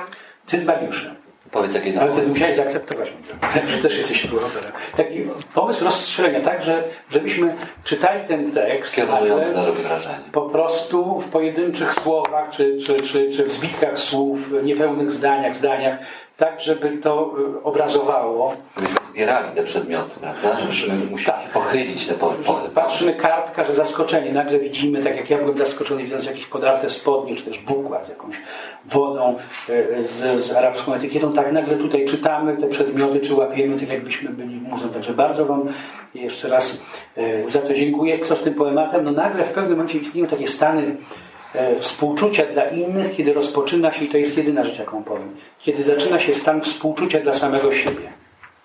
I o tym jest ten poemat. Dziękuję bardzo. Bardzo Państwu dziękujemy. Bardzo dziękuję Jarku za tę książkę. Proszę siedzieć. Zapraszam Pan Jerzy Radziwiłowicz. Czyta większą część tego poematu, a potem autor będzie podpisywał y, książkę. Bardzo Państwu serdecznie dziękujemy.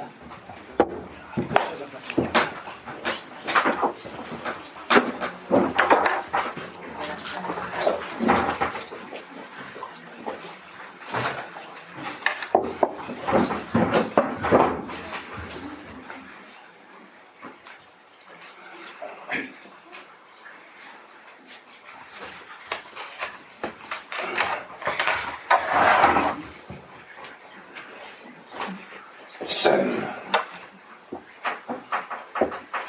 W samolocie jakoś nad Sycylią mam sen. Nie można wierzyć snom. Wystarczy je zapisywać. Katania jest pode mną.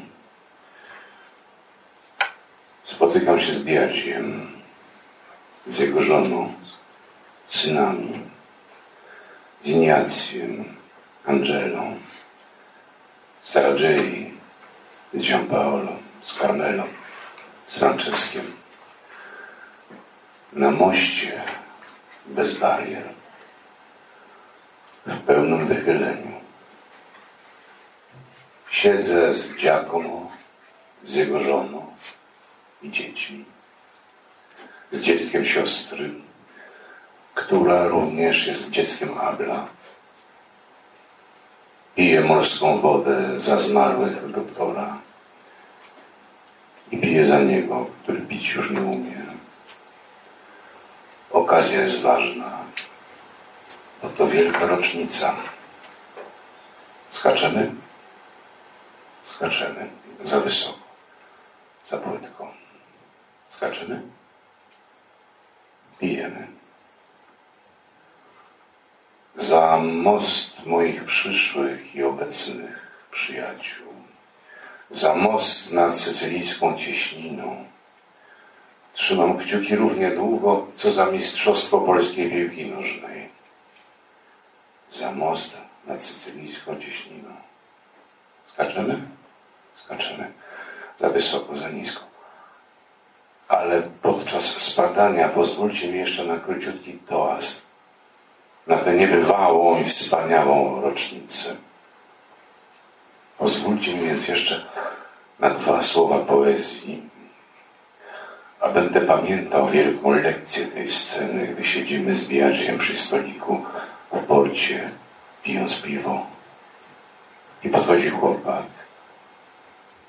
I my go pytamy, co on robi w życiu. A on nam mówi, że przypłynął z Egiptu, że myje pokłady. I pyta z kolei, co robimy w życiu my, którzy w barze siedzimy w Katanii.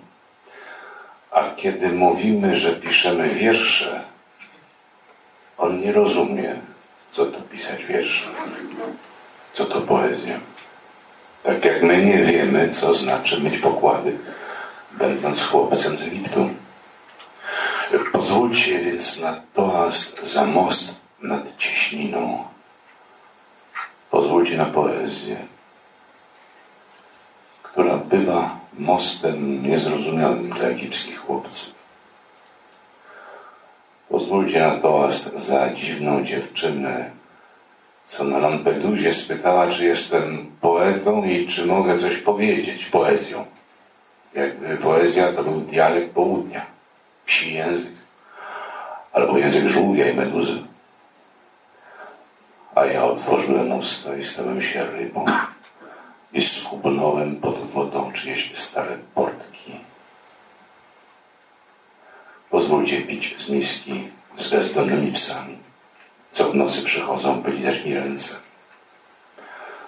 Pozwólcie pić za spodnie z futrów lampeduzy, za cieni nóg w ich nogawkach, za cierń rąk w ich kieszeniach.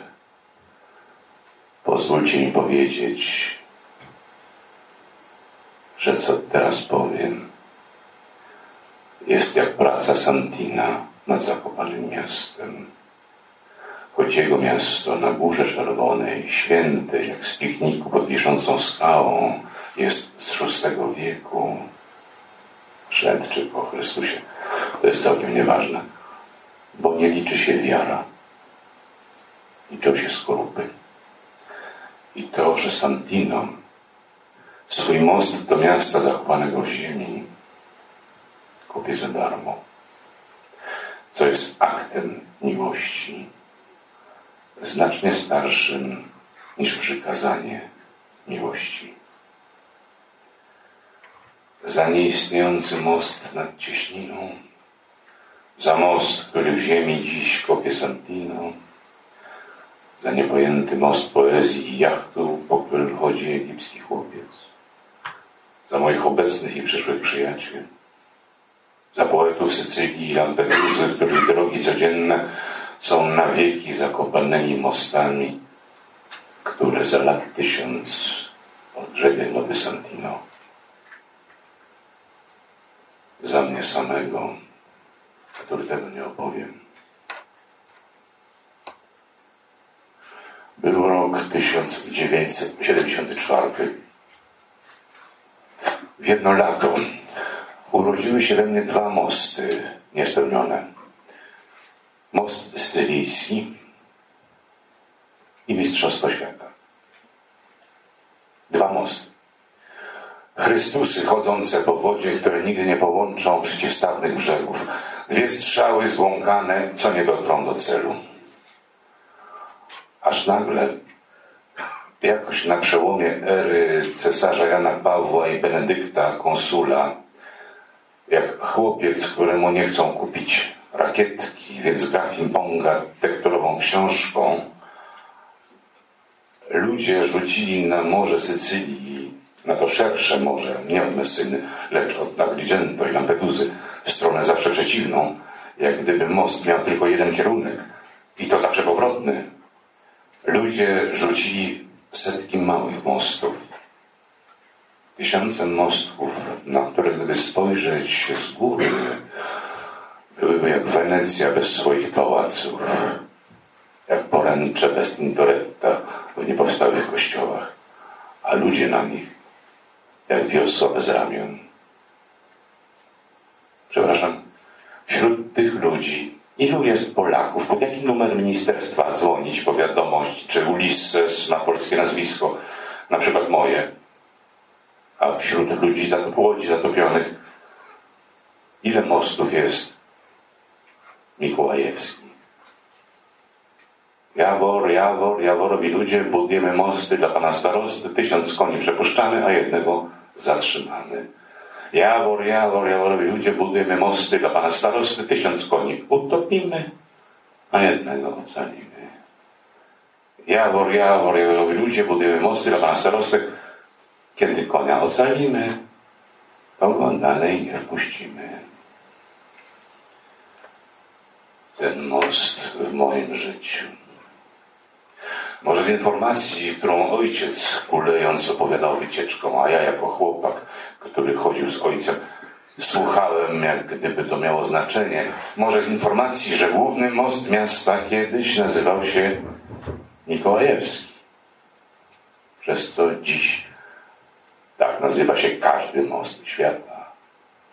Każdy most Sycylii, każdy wiadukt urwany pomiędzy górami, most niewzniesiony nad cieśniną mysyńską most nad falami silnej siekiernicy, silnej pierwszosilnością, której się nie boję. Zobacz, mówi Biadziu, to jest most, którego nie ma. A tam, zobacz, jest most, którego nie ma. A tam, nie patrz, nie ma mostu który jest.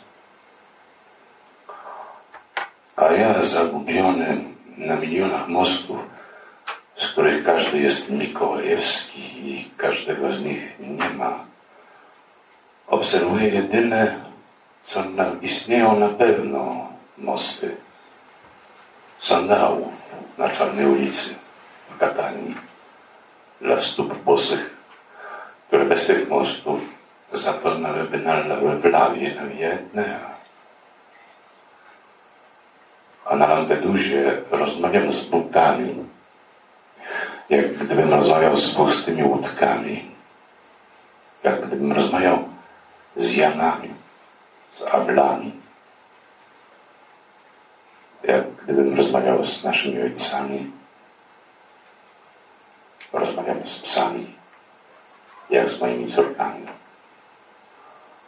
Rozmawiam z palcami, tak jak z wioślarzami. Rozmawiam z paznokciami, jak z żywymi tratwami.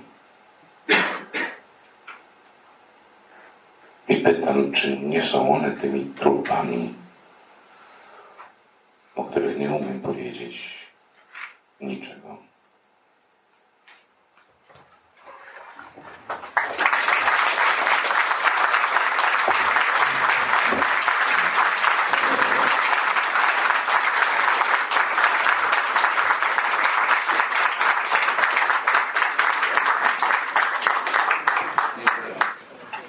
Już Radziwiłowicz, bardzo dziękujemy Panu.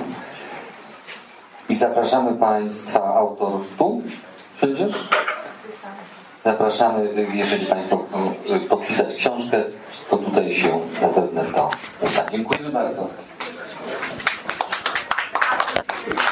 Muszę podbierać, przepraszam.